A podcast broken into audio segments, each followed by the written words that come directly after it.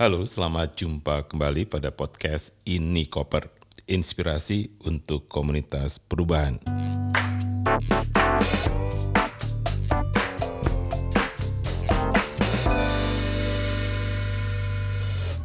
Ya, kembali jumpa dengan Dani Wahyu Menggoro dari Inspirasi Tanpa Batas.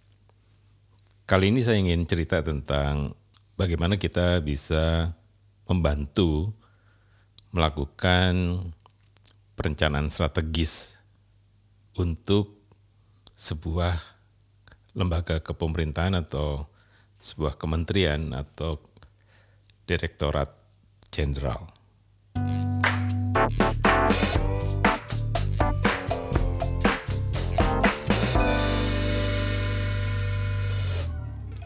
Ya, sebulan yang lalu saya diundang ya untuk bertemu dengan salah satu pejabat yang dulu pernah ikut beberapa kegiatan Inspirit dan pada saat saya datang ke kantor mereka ada beberapa orang di sana para pejabat media ya. Nah, pada saat itu mereka menceritakan bahwa mereka sedang menyusun sebuah dokumen untuk perencanaan strategis tahun 2004 ke 2009. Yang saya tahu pada waktu itu masih suasananya pemilu ya, jadi banyak kampanye dan dan sebagainya.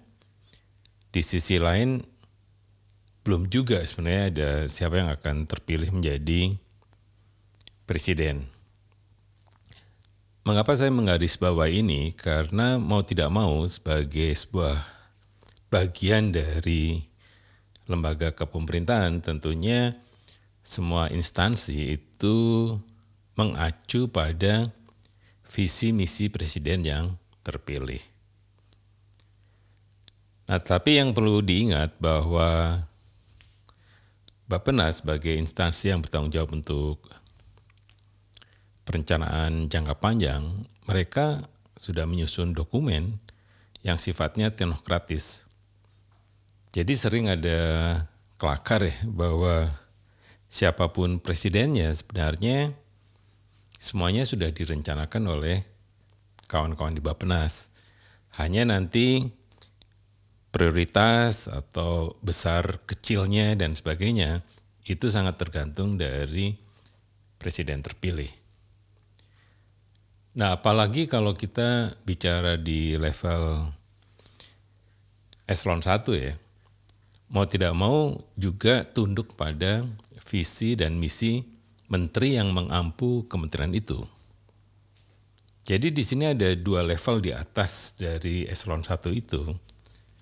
Yang penting sebenarnya diperhatikan pada saat ingin melakukan perencanaan strategis. Nah, Perencanaan strategis sendiri itu sudah ada formulanya juga. Jadi saya juga mencoba membaca dokumen perencanaan strategis dari instansi ini dan memang sebenarnya ini menjadi kegelisahan umum ya.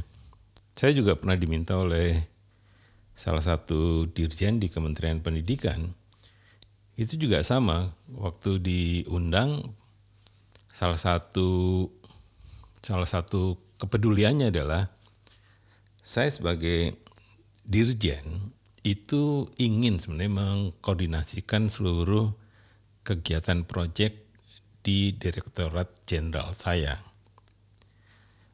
Di dirjen saya itu ada 125 kegiatan. Ya. Kemudian kalau toh semua kegiatan itu berhasil, saya tetap tidak bisa mengukur apa hubungannya dengan visi misi presiden gitu. Jadi di sini ada satu salah kaprah ya tentang strategic planning ya. Karena begini, jadinya gini nih. Ya ini percakapan yang dulu-dulu pernah ada di edisi sebelumnya tentang beda antara strategi dan planning gitu antara strategi dan perencanaan. Nah, istilah strategic planning kadang memang ada dua tafsir ya. Tafsir yang pertama sebenarnya adalah itu bagian dari perencanaan jangka menengah. Sedangkan strategic planning dalam konteks bisnis sebenarnya kita sedang membicarakan sesuatu yang strategis. Jadi bukan membicarakan kegiatan. Jadi kenapa ini menjadi penting saya ungkap di di edisi ini? Karena waktu membicarakan tentang perencanaan strategis, kalau bisa sebenarnya dihilangkan kata perencanaannya dulu. Karena perencanaan sifatnya kan menyusun sekuensi kegiatan ya. Sedangkan perencanaan, sedangkan strategi adalah apa yang kita harus lakukan untuk membuat dampak besar melalui pihak-pihak lain sehingga visi misi kita itu terwujud. Karena kita ada urusannya dengan eksternal, maka kita harus punya strategi. Kalau yang di internal kan memang hanya minta di apa dimobilisasi ya namanya ya atau di deploy untuk bisa melakukan apa pun untuk bisa mencapai output atau outcome.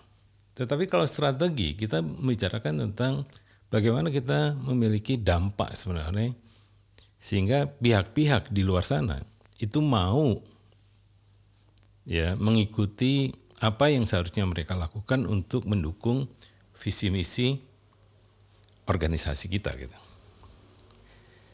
Nah, karena itu kemarin saya menawarkan mau tidak kalau kita jangan dulu bicara tentang activities atau juga strategic program belum. Tapi kita membicarakan tentang skenario planning. Nah, itu ada banyak perdebatan ya. Apa penting atau tidak. Tapi saya ingin meyakinkan dulu bahwa sekecil apa pun yang kita lakukan sebagai sebuah lembaga pemerintah, tentunya ingin berkontribusi pada visi besar. Nah, visi besar kita kan sebenarnya sudah ada di Undang-Undang Dasar ya. Sehingga turunan dari visi misi presiden itu kan hanya turunan dari apa yang menjadi cita-cita para pendiri bangsa ini dan khususnya sebenarnya cita-cita dari seluruh warga negara Republik Indonesia atau seluruh bangsa ini. Karena itu kemarin saya ajak mereka berpetualangan ke masa depan gitu. Ya dengan tahapan-tahapan pertama saya meminta mereka presentasi pecah kuca ya untuk tahu tentang apa yang hebat telah mereka lakukan selama lima tahun terakhir ini.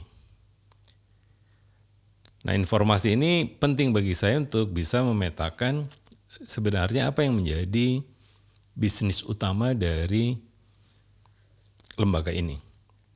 Jadi menarik ya, dari 17 presenter yang hanya memakan waktu sekitar dua jam ya, saya bisa tahu tentang isi dari organisasi yang sedang saya fasilitasi ini. Nah, dari situlah kemudian saya mengajak mereka merumuskan apa yang sebenarnya menjadi kepedulian utama dari organisasi ini. Nah, jadi kepedulian utamanya sebenarnya adalah sesuatu yang memang kita ingin apa ya semacam panggilan lah, panggilan untuk mewujudkannya gitu. Nah, setelah melalui beberapa proses discrete planning dari mulai vocal question, kemudian analisis key driver, kemudian membuat narasi, membuat cerita kiasan, dan juga pada akhirnya saya ajak mereka menggunakan theory of change untuk membayangkan bagaimana setiap outcome itu bisa berkontribusi pada apa yang menjadi cita-cita bersama di organisasi ini. Prosesnya seru karena bagi mereka ini adalah sesuatu yang sangat baru karena pada saat merumuskan strategic planning, mereka juga mengakui sebenarnya selama ini hanya copy paste, fokusnya pada kegiatan, kemudian kita hitung ya berapa jumlah kegiatannya, kemudian diekstrapolasi sehingga angkanya keluar gitu. Jadi kalau di strategic planning yang saya baca sebelumnya, ya selalu muncul jumlah, ya, jumlah ini, jumlah itu meningkat dan seterusnya gitu. Tapi mereka sendiri gelisah juga dengan jumlah yang meningkat itu akan sampai berapa ribu jumlahnya itu. Kemudian kita merasa sudah mencapai tujuan, itu menjadi pertanyaan mereka sendiri gitu. Karena itu kemarin skenario planning itu menjadi sesuatu obat ya untuk memperbaiki paling tidak kualitas dokumen perencanaan strategis dari organisasi yang sedang saya fasilitasi kemarin.